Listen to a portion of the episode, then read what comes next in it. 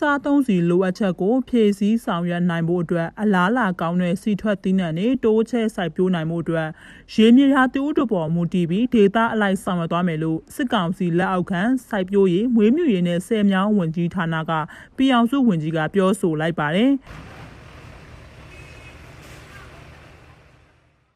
ဒီစီမံချက်အတွက်အရင်ဆုံးနေပြည်တော်ကောင်စီနယ်မြေအတွင်းမှာစီစားသုံးမှုနဲ့စီအမျိုးအစားကိုစစ်တမ်းကောက်ယူမှာဖြစ်တယ်လို့ပြည်내နဲ့တိုင်းဒေသကြီးတွေမှာလည်းစစ်တမ်းကောက်ယူသွားမယ်လို့သိရပါတယ်။ဒီစစ်တမ်းပေါ်အခြေခံပြီးပြည်ရင်းစားသုံးမှုဖူလုံရေးနဲ့ပို့ကုန်တိုးမြင့်ရေးတို့အတွက်အစီအမံတွေရွေးဆက်ဆောင်ရွက်သွားမယ်လို့စစ်ကောင်စီလက်အောက်ခံပြည်အောင်စုဝင်ကြီးဦးတင်ထွတ်ဦးကနေပြည်တော်မှာစက်တင်ဘာလ10ရက်နေ့ကပြုလုပ်ခဲ့တဲ့မြန်မာနိုင်ငံရဲ့စားသုံးစီခန္ဓာဖွံ့ဖြိုးတိုးတက်ရေးဆိုင်ရာဆွေးနွေးမှုမှာပြောဆိုခဲ့တာဖြစ်ပါတယ်။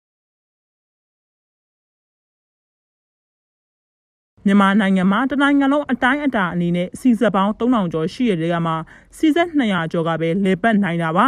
မျိုးကောင်းမျိုးသက်မရှိတာအထွက်နှုံအာမခံချက်မရှိတာစီထွက်သီးနှံတွင်းအားစုဈေးကြီးမားတာစတဲ့အခြေခံအကြောင်းရင်းတွေကြောင့်စီထွက်သီးနှံစိုက်ပျိုးထုတ်လုပ်မှုတွေကလည်းရောကျနေတာဖြစ်ပါတယ်။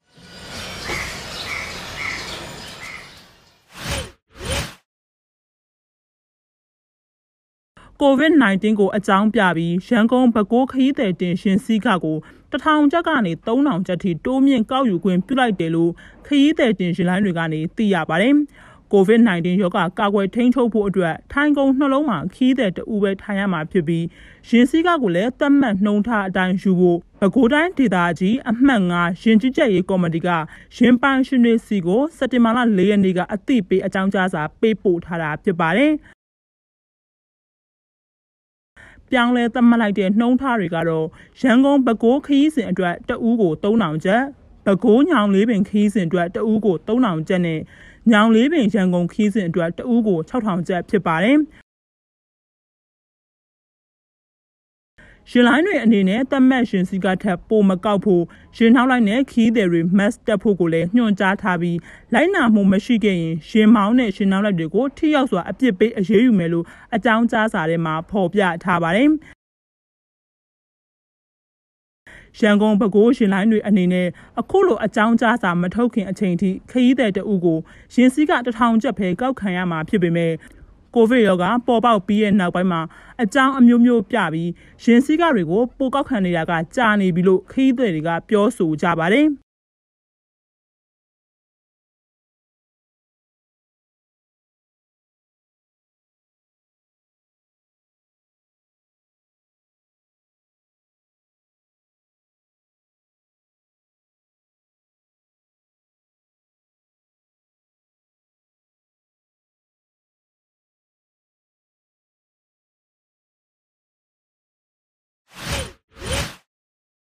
နေအိမ်တိုက်ခန်းတွေမှာဧည့်စင်းမတိုင်ပဲငှားရမ်းနေထိုင်ပြီးအကြမ်းဖက်မှုတွေကျူးလွန်ရင်အဲ့ဒီနေအိမ်တိုက်ခန်းတွေကိုတပ်သေးကံဖြစ်တင်းစည်းခံရမှာဖြစ်တယ်လို့စစ်ဆေးပေါ်ပေါက်ခဲ့ရင်နိုင်ငံပိုင်အနေနဲ့သိမ်းယူသွားမယ်လို့အကြမ်းဖက်စစ်ကောင်စီရဲ့အကြမ်းဖက်မှုတိုက်ဖျက်ရေးဗဟိုကော်မတီကစက်တင်ဘာလ9ရက်နေ့မှာကြေညာလိုက်ပါတယ်ဒီလိုဖြစ်စဉ်တွေအတွက်နေအိမ်တိုက်ခန်းပိုင်ရှင်တွေမှာလည်းတာဝန်ရှိမှာဖြစ်တဲ့အတွက် သက်ဆိုင်ရာဥပဒေနဲ့အရေးယူမယ်လို့လည်းဖော်ပြထားပါတယ်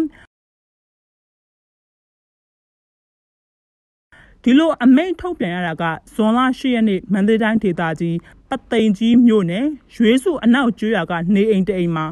လက်နက်နဲ့ကြီးစံတွေကိုတင်စီရမိတာမန္တလေးမြို့ပေါ်မှာဇွန်လ22ရက်နေ့ကအမီမတိလက်နက်ကန်အဖွဲ့ကတိုက်ခန်းတစ်ခုကနေတိုက်ခိုက်ခဲ့တာ ရန်ကုန်မြို့ပတ်ရထားလမ်းပေါ်မှာဩဂုတ်လ၄ရက်နေ့ကရဲတပ်ဖွဲ့ဝင်9ယောက်တေဆုံးတာတွေကြောင့်ဖြစ်တယ်လို့ဖော်ပြထားပါတယ်။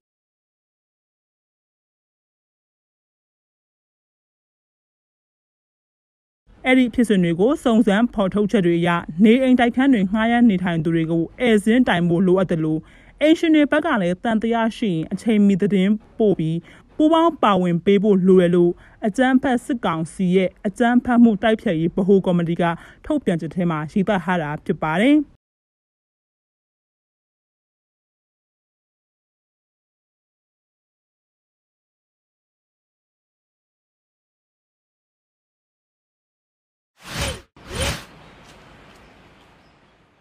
စစ်တပ်ကအာဏာသိမ်းပြီး9လကျော်အတွင်းမှာပြည်ရင်း73စီစင်းလုံးတွေကအမျိုးအစားလိုက် 80ရာခိုင်နှုန်းကနေ80ရာခိုင်နှုန်းထိမြင့်တက်ခဲ့ပြီး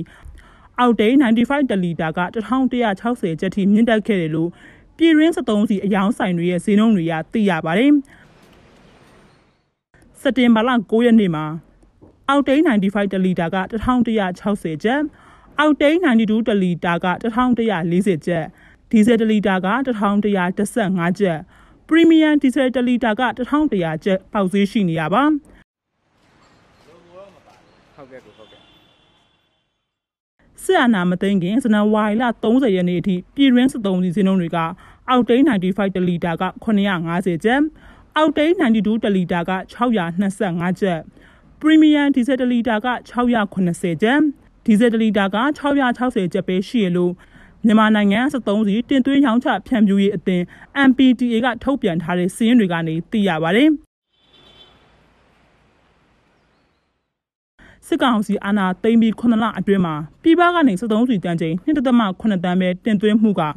အမေရိကန်ဒေါ်လာ1.2ဘီလီယံရရှိခဲ့တာဖြစ်ပြီးဒါဟာမနှစ်ကကာလတူအချိန်ထက်တင်သွင်းမှုတန်ချိန်တသန်းကျော်ထိရောကျခဲ့တာဖြစ်ပါတယ်။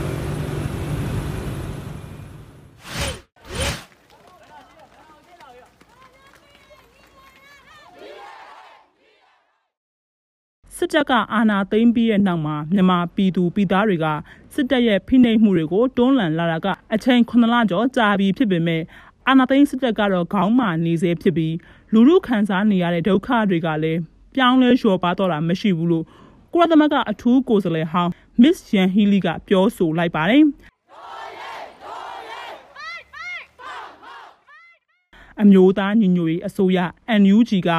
ခုခံတော်လှန်စစ်ဆွေးနွေးဖို့ကြေညာလိုက်ပြီးတဲ့နောက်ပိုင်းမှာမြန်မာနိုင်ငံဆိုင်ရာအထူးအကြံပေးကောင်စီ SACM ရဲ့ထုတ်ပြန်ချက်စာတစောင်ကိုထုတ်ပြန်လိုက်တာဖြစ်ပြီးအထူးအကြံပေးကောင်စီရဲ့အဖွဲ့ဝင်လည်းဖြစ်တဲ့ Miss Yan Healy ကထုတ်ပြန်ချက်ထဲမှာအခုလိုပြောဆိုလိုက်တာပါ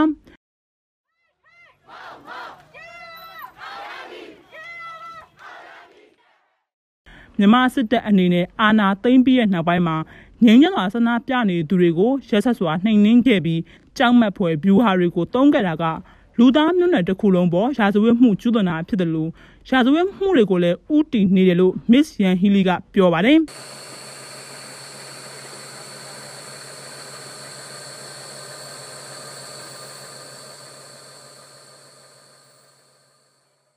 အထူးအကြံပေးကောင်စီအဖွဲ့ဝင်တဦးဖြစ်တဲ့ခရစ်စီဒေါ်တီကတော့ မြန်မာနိုင်ငံမှာလူမှုအနေနဲ့ဖိနှိပ်ညှဉ်းပန်းမှုတွေကိုမခံနိုင်လွန်းလို့လက်နက်ကင်ဖို့ဖြစ်လာတာကိုလည်းစာနာနားလည်လို့ထုတ်ပြန်ချက်ထဲမှာထည့်သွင်းပြောဆိုထားပါတယ်ဒါပေမဲ့ NUG ရဲ့ဆုံးဖြတ်ချက်နဲ့ပတ်သက်ပြီးဖြစ်ပေါ်လာမယ့်ရလဒ်တွေကိုလည်းစိုးရိမ်နေလို့လည်းပြောဆိုထားပါတယ်။